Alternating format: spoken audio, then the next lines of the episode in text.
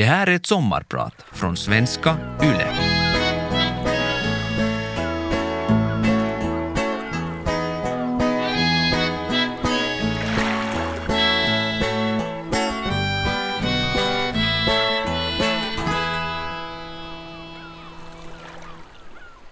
På en höjd på Färgsundets östra strand i Saltvik på Åland har ett bål byggts upp.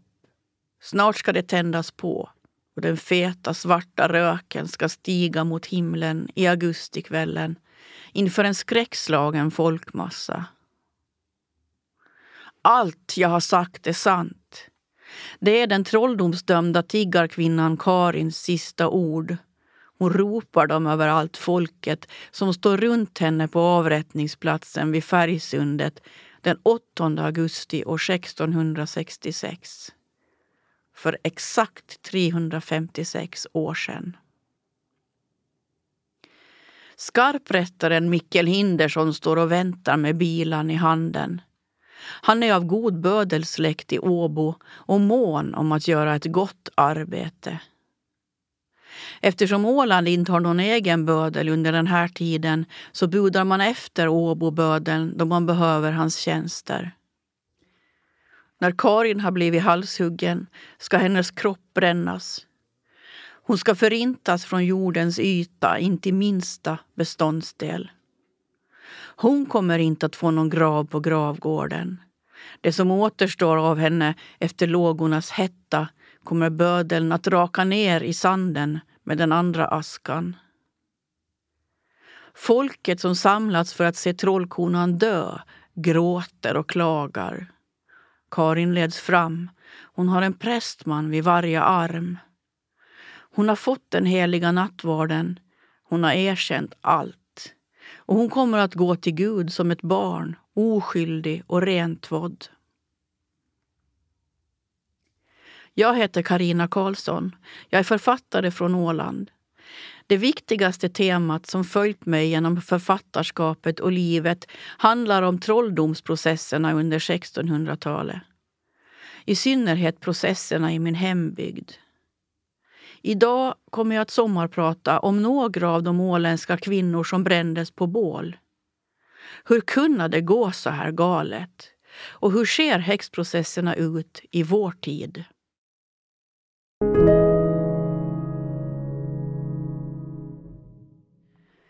På en historielektion i mellanstadiet hörde jag talas om trolldomsprocesserna på Åland och om Lisbeta från Skarpans. De flesta som dömdes var från Sund, sa läraren. Sund var och är min hemkommun. Det här kom nära och angick verkligen mig. Tänk att man för bara några hundra år sedan brände människor på bål just där jag bodde. I början av 80-talet råkade jag på Solbritt Kärkeinens text Skarpanskärringen. Den handlade om Skarpans Lisbeta och hon kändes genast som en syster. Det gällde detaljer, att jag heter Elisabeth i mellannamn, att hon kom från en stor gård med gästgiveriverksamhet. Själv bröt jag mönstret genom att vara kommunsekreterarens dotter och min mamma jobbade på kontor. De flesta av mina jämnåriga var barn till bönder och bondfruar. Att jag var stursk, precis som Lisbeta. Jag var smärtsamt medveten om det. Kunde inte tiga när jag såg orättvisor. Sa ifrån, tog parti för fel saker, fick skäll och gav mig ändå inte. Jag hade dessutom erfarenheter av att vara utsatt och hjälplös. När jag var sju år konstaterades det att jag hade höftledsförskjutning. Jag gick inåt med fötterna och hade en hemsk värk. Mina föräldrar upptäckte saken först. Det kluckade när jag gick och de såg ju hur ont jag hade. Men deras oro bemöttes med bortförklaringar av hälsosystrar och läkare. Växtverk har ju alla barn, vet jag. Otaliga gånger gick jag fram och tillbaka över golvet i olika mottagningsrum framför granskande ögon och kämpa med beslutet. Skulle jag anstränga mig och gå med fötterna utåt så att jag såg frisk ut?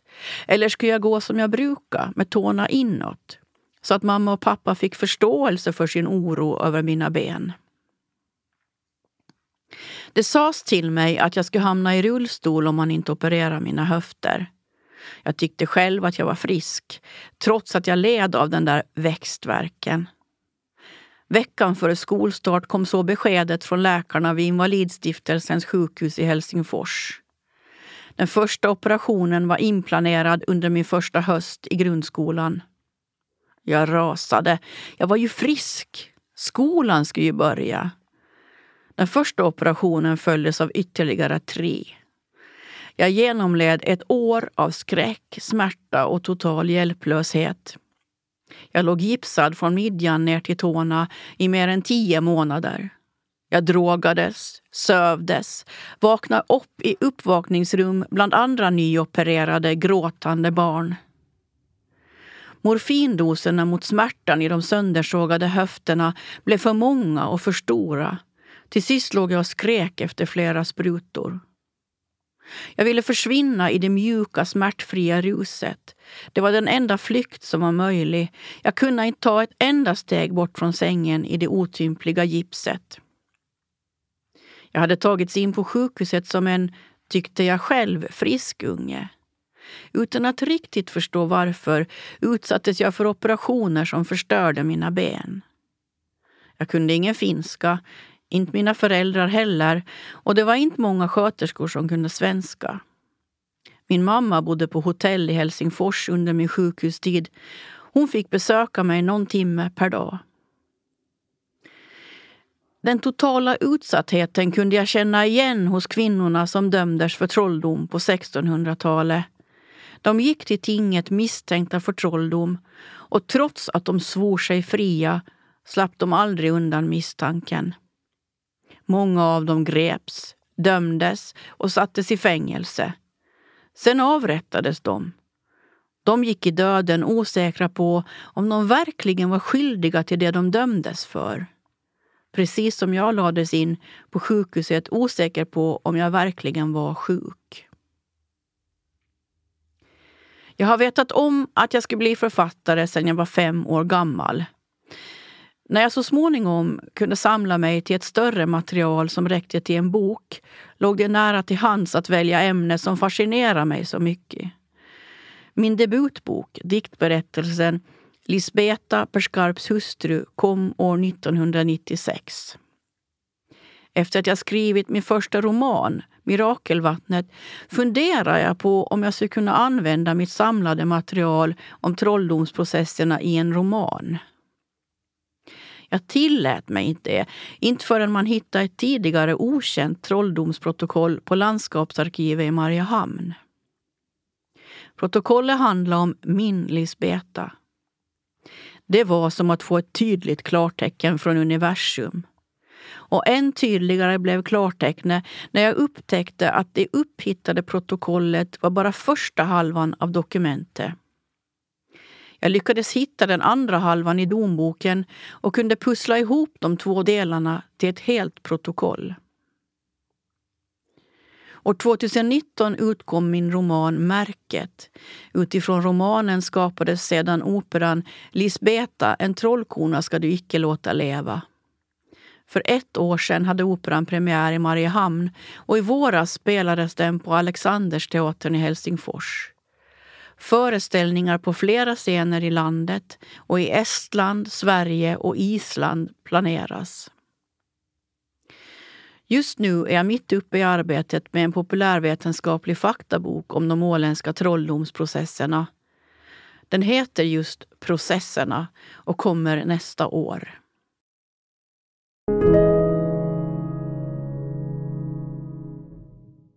Antalet avrättade för trolldom i Europa under åren 1450 till 1750, då hysterin var som värst, uppskattas av den nyare forskningen till cirka 30 000 personer.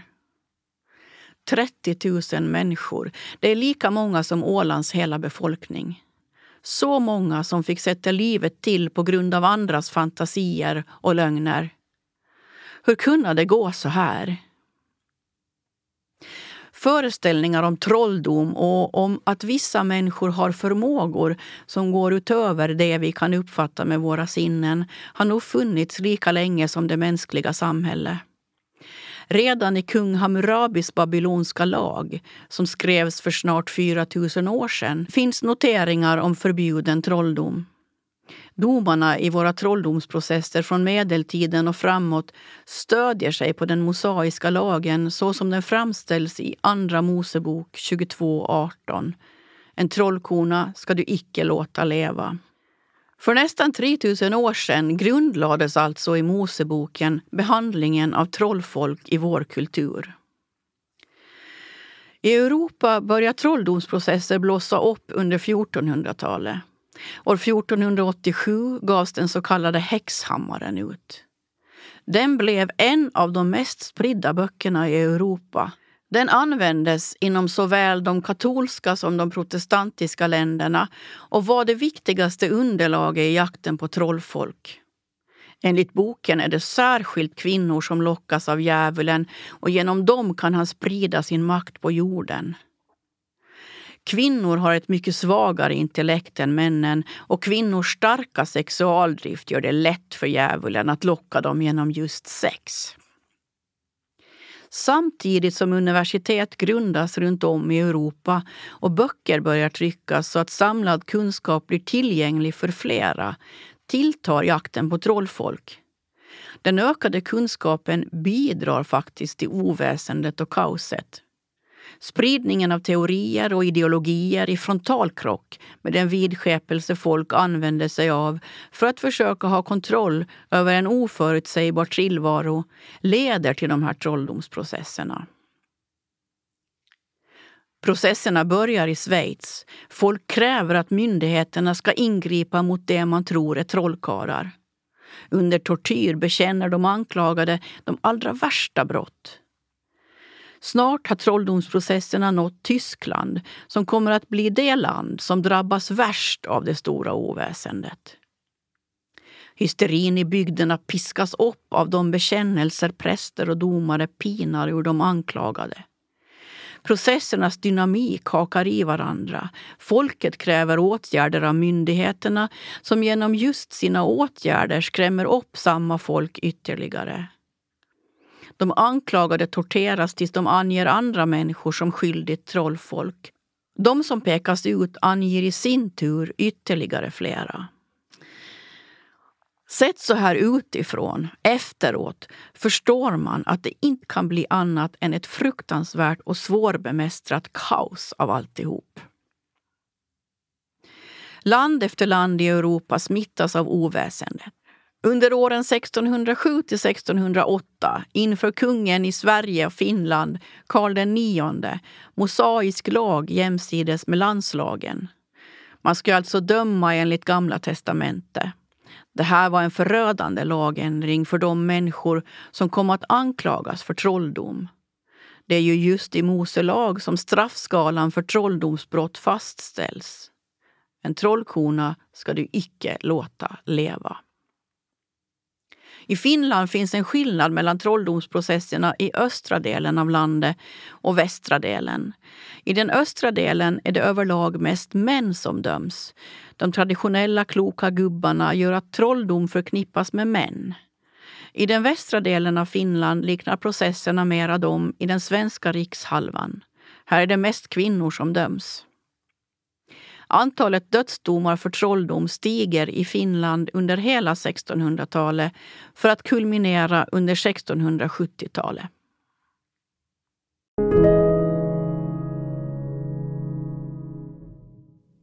Jag heter Karina Karlsson. Jag är författare och bor på Åland. Jag sommarpratar idag om ett tema som följt mig genom författarskapet och livet. Trolldomsprocesserna under 1600-talet, i synnerhet de som drabbar åländska kvinnor. Allt jag har sagt är sant, ropar Karin över allt folket på avrättningsplatsen den 8 augusti år 1666. Karin var den första att dömas och avrättas i den första åländska trolldomsprocessen. Den här processen var också den första i det dåvarande svenska riket och kom före de stora processerna i Dalarna och Ångermanland i Sverige. Vad var det egentligen Karin hade sagt då? Och hur hade hon hamnat hos böden vid bålet? År 1655 tillsattes en ny häradshövding på Åland, herr Nils Psilander. Han hade studerat vid universitetet i Dorpat och var särskilt intresserad av att avslöja trollfolk och röja dem ur vägen. När han tillsattes inledde han genast sitt arbete. Man ser spåren efter det i protokoll från de olika sockentingen. Nils Psilander ville gärna se djävulskontrakt när nämndemännen bara såg vanlig vidskepelse. Efter ett ting i Lämland år 1664 lyckas Silander lägga till en notering i protokollet. De två personer som stått anklagade döms visserligen inte för djävulskontrakt. Men Silander skriver i protokollet att det finns skäl att misstänka samröre med djävulen. Sen händer någonting som Nils Silander inte kunde ha föreställt sig ens i sin vildaste fantasi. Den fattiga tiggarkvinnan Karin ställs i april år 1666 inför nämnden efter att hon genom spådomar har pekat ut en ung bondpojke i Ingby i Jomala som rågtjuv. Pojkens mor kräver att saken ska redas ut. Och Karin börjar plötsligt bekänna att hon ända sedan hon var barn varit anfäktad av Satan.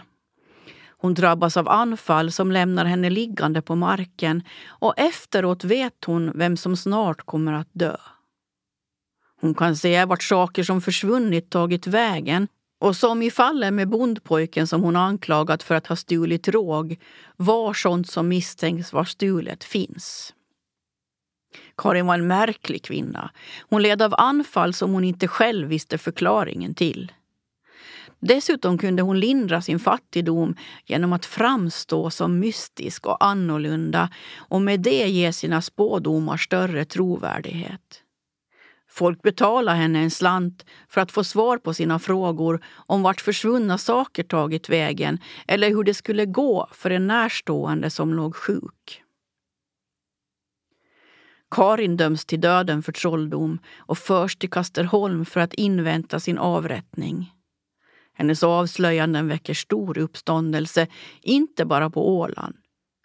Präster och lagfolk från hela riket kommer resande för att få se och fråga ut en riktig trollkona. När Karin i april döms till döden för trolldom anger hon en annan kvinna som trollkona. En kvinna från Finnö i Geta som begått självmord året innan och inte längre kan komma till skada av anklagelsen. Men sen prästerna och domarna förhört henne under sommaren år 1666 har hon lockats och pressats till ytterligare anklagelser. I augusti när Karin avger sin sista bekännelse före avrättningen räknar hon upp 13 andra kvinnor som trollkonor. Tolv av kvinnorna kallas den 6 augusti till tinget i Kasterholm för att svara på Karins anklagelser. På påståendet att de är trollkonor svarar de tolv kvinnorna enligt protokollet alla nej med en hiskelig svordom. Och alla utom två som sedan tidigare varit misstänkta för trolldom får gå hem mot borgen. Den 8 augusti avrättas Karin. Hon går i döden på sitt vittnesmål och i en tid när folk är övertygade om att ingen ljuger inför sin död så stärker det hennes anklagelser mot de andra kvinnorna. En rad av rannsakningar och domar följer. De kvinnor som döms för trolldom på tingen ute i socknarna förs efter domen till Kasterholm där de ska sitta i väntan på sin avrättning. I Sund verkar under den här tiden kyrkoherde Brynjer Kjellinus. Han har studerat vid Åbo akademi och är en välutbildad och försigkommen man. Han är också synnerligen engagerad i jakten på trollkonor. Han förhör de redan dömda kvinnorna noggrant och hårdhänt. Fem av de kvinnor som Karin anklagat döms till döden och avrättas. Dessutom avrättas ytterligare en kvinna efter att ha anklagats för trolldom av majoren Johan Olsson, Bergenstierna i Lämland. Med Karin totalt alltså sju kvinnor. Sju åländska kvinnor halshöggs och brändes på bål. anklagade för brott som domare och präster fantiserade fram. Varje gång jag läser om orättvisorna och de absurda anklagelserna som leder till döden drabbas jag fysiskt, som av ett slag i magen. Det går inte att värja sig mot den galna orättvisan.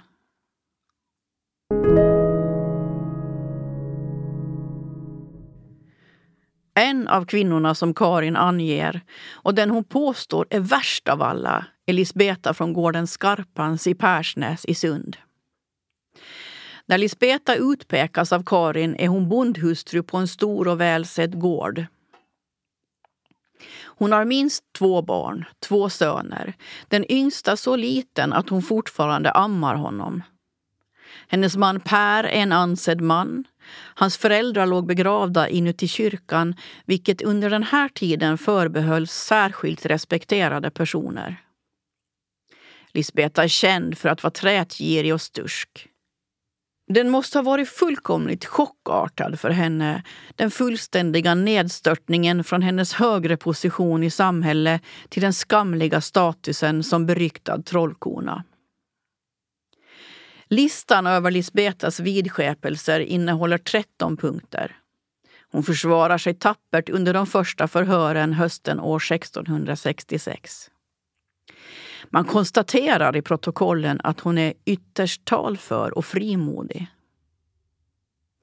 När man i november bestämmer sig för att sätta handklovarna på henne och skruva åt dem för att tvinga henne att tala visar det sig att handklovarna blivit så nötta att de inte håller skruv.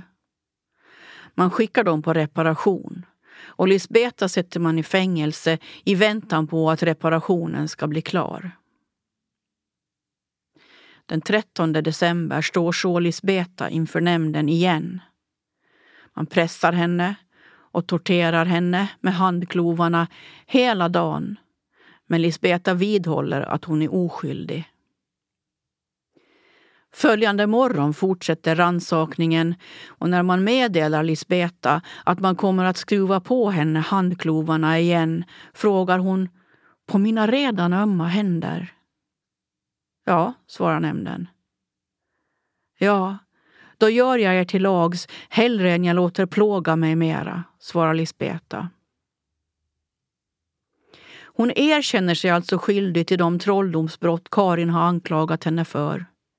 Det är allt från att hon har smort sina kors tänder med smör för att få dem att mjölka bättre till att ha sköljt koskällorna i en bäck för att korna bättre skulle hålla ihop då de gick på bete i skogen.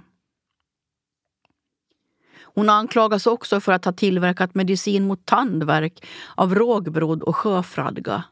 Det skum som bildas på rinnande vatten om våren.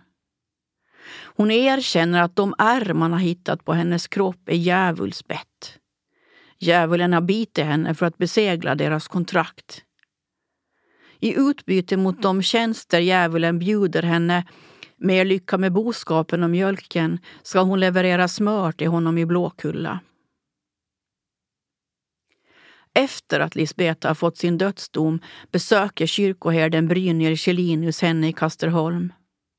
Han säger att ifall hon inte visar honom trollsmörjan som djävulen gett henne för att hon ska kunna flyga till Blåkulla på en gumse, ett handjur av får, så kommer han att låta bränna hennes hus.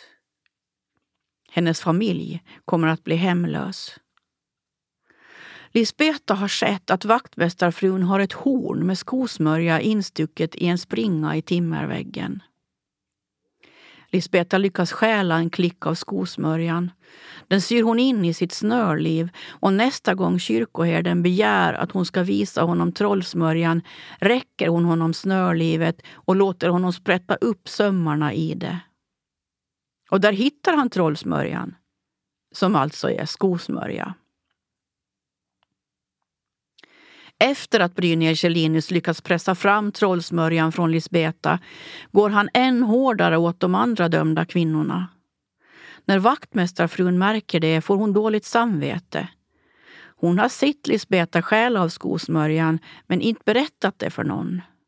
Nu kan hon inte längre tiga. Hon avslöjar för länsmannens fru Brita hur det hela har gått till.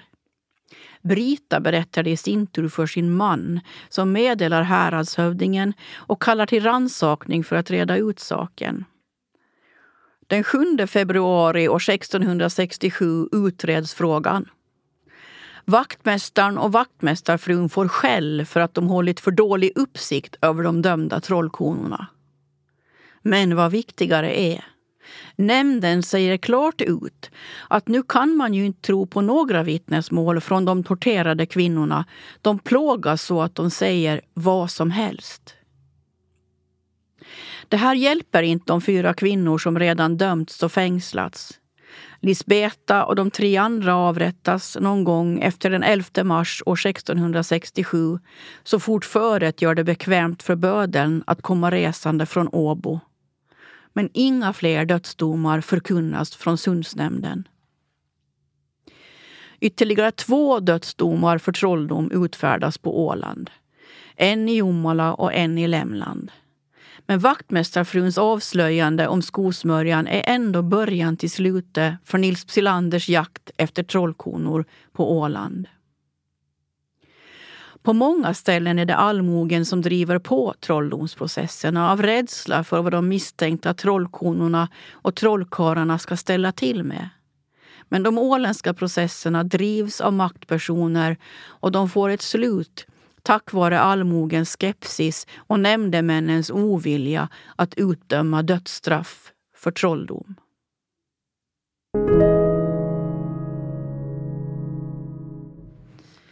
Nåja, år 1666, det är ju länge sedan. Världen är en helt annan. En plats för många olika sanningar och rätten att tro på vad man vill. Eller? Nej, tyvärr. Jag tror att vi människor, kanske mycket lättare än vi förstår, faller in i skallen från drevet när det drar förbi oss. De där dreven går så fort. Man hinner inte tänka efter så har man sagt och gjort saker som gör att man är en del av flocken som skäller. Plötsligt är det mycket lättare att fortsätta skälla än att höja rösten och ropa stopp Fortfarande är det i första hand sturska kvinnor som råkar illa ut. De som vågar ta plats och ta för sig av makt av olika slag. Kvinnor ifrågasätts många gånger för saker som det är naturligt att män har rätten till. Linjen från djävulens gästabud med ett överdåd av läcker mat på 1600-talet till den kvinnliga statsministerns beramade frukostar är inte särskilt lång eller krokig. Dessutom är världen mycket större än det vi har omkring oss, än våra lagar och vår kultur. Det finns fortfarande platser där folk dör för att de blivit misstänkta för att vara häxor eller förhäxade. Man behöver bara ta en snabb titt på Amnesty Internationals årsrapporter från det senaste decenniet så ser man att verkligheten är en annan och mycket mörkare. Så sent som år 2013 torterades kvinnor i Papua Nya Guinea efter att ha blivit anklagade för att genom svart magi ha dödat andra människor. Det finns exempel på kvinnor i Papua Nya Guinea som bränts till döds misstänkta för att vara häxor. Inte ens då tortyren haft dödlig utgång utreddes brotten alla gånger av polisen. År 2015 hörde Saudiarabien till de länder i världen som använde dödsstraffet mest. Ett av brotten makthavarna i Saudiarabien har belagt med dödsstraff är trolldom. Och de som avrättas döms många gånger enbart på grund av erkännanden de gjort efter svår tortyr. I Amnestys rapport från år 2017 finns oroande information från Malawi barn, till och med spädbarn och vuxna som har albinism utsätts för kidnappningar och rituella mord. Man tror att de som saknar pigment är förhäxade. Under den tid, från år 2014 till år 2019, då IS-väldet var som störst i Syrien och Irak, dömdes folk till döden för trolldom och halshögs av IS. Skräcken för vad en frimodig och talför kvinna kan ta sig för om man inte hindrar henne är lika stor och drabbande i länder som Afghanistan, Iran och Saudiarabien idag som den var i vårt land år 1666. Lisbeta torterades med handklovarna för att hon skulle hållas i schack och säga det landshövdingen och nämndemännen ville höra. Bara det, och ingenting mera. Och handen på hjärtat, inte är vi heller i Finland befriade från föreställningar om att kvinnor besitter ett märkligt och destruktivt sexuellt kapital som bidrar till att de, eller vi, blir våldtagna och misshandlade i hemmet. Män kan helt enkelt inte låta bli, påstås det.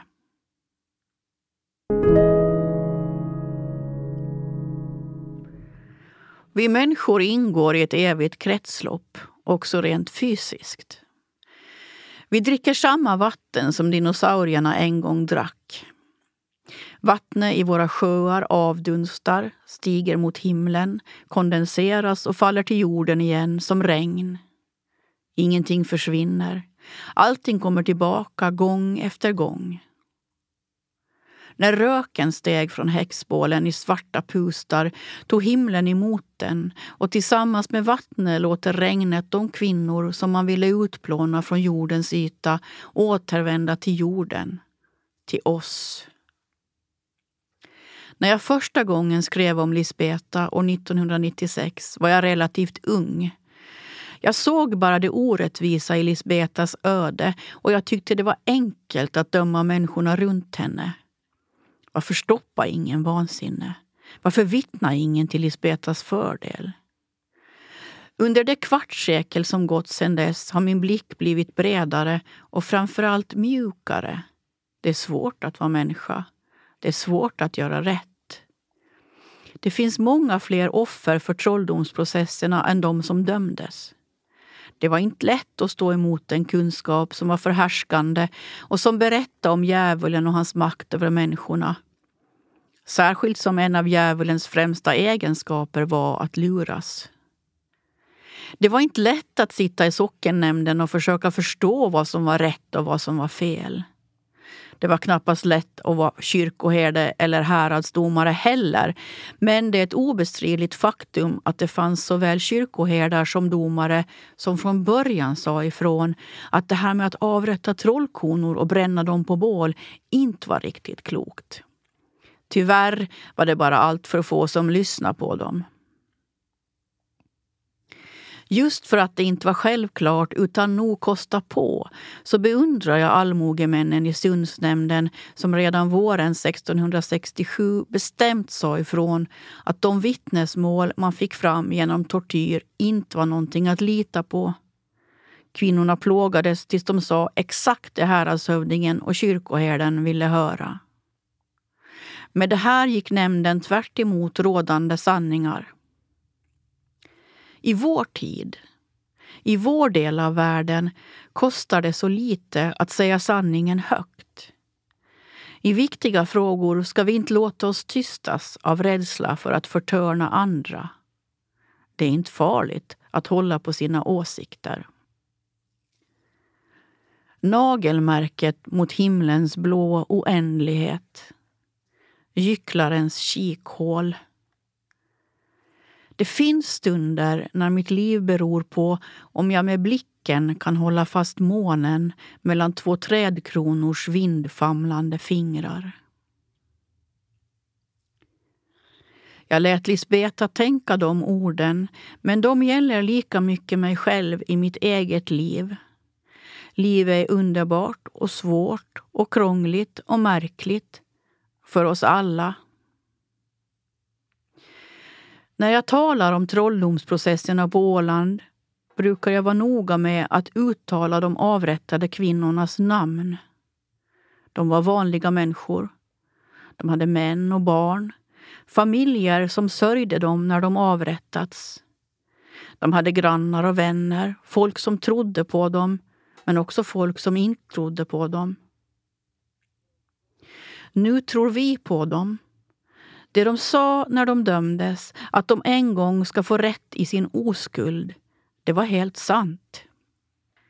Vi tror på er. Karin Persdotter i Emkarby. Maria Nilsdotter i Markusböle. Lisbeta Perskarps hustru i Persnäs. Änkan Ebba i Finnby. Anna Bengtsdotter i Högborsta. Ingeborg Olsdotter i Västansunda. Margreta Mortinsdotter i Norrby. De lämnar oss inte. De faller som regn över våra marker. Gång på gång återvänder de för att påminna oss om sina öden och om varför det är så viktigt att när drevet går alltid fråga sig själv. Hur är det då egentligen? Jag heter Karina Karlsson. Jag är författare från Åland. Tack för att ni har lyssnat på mitt sommarprat idag.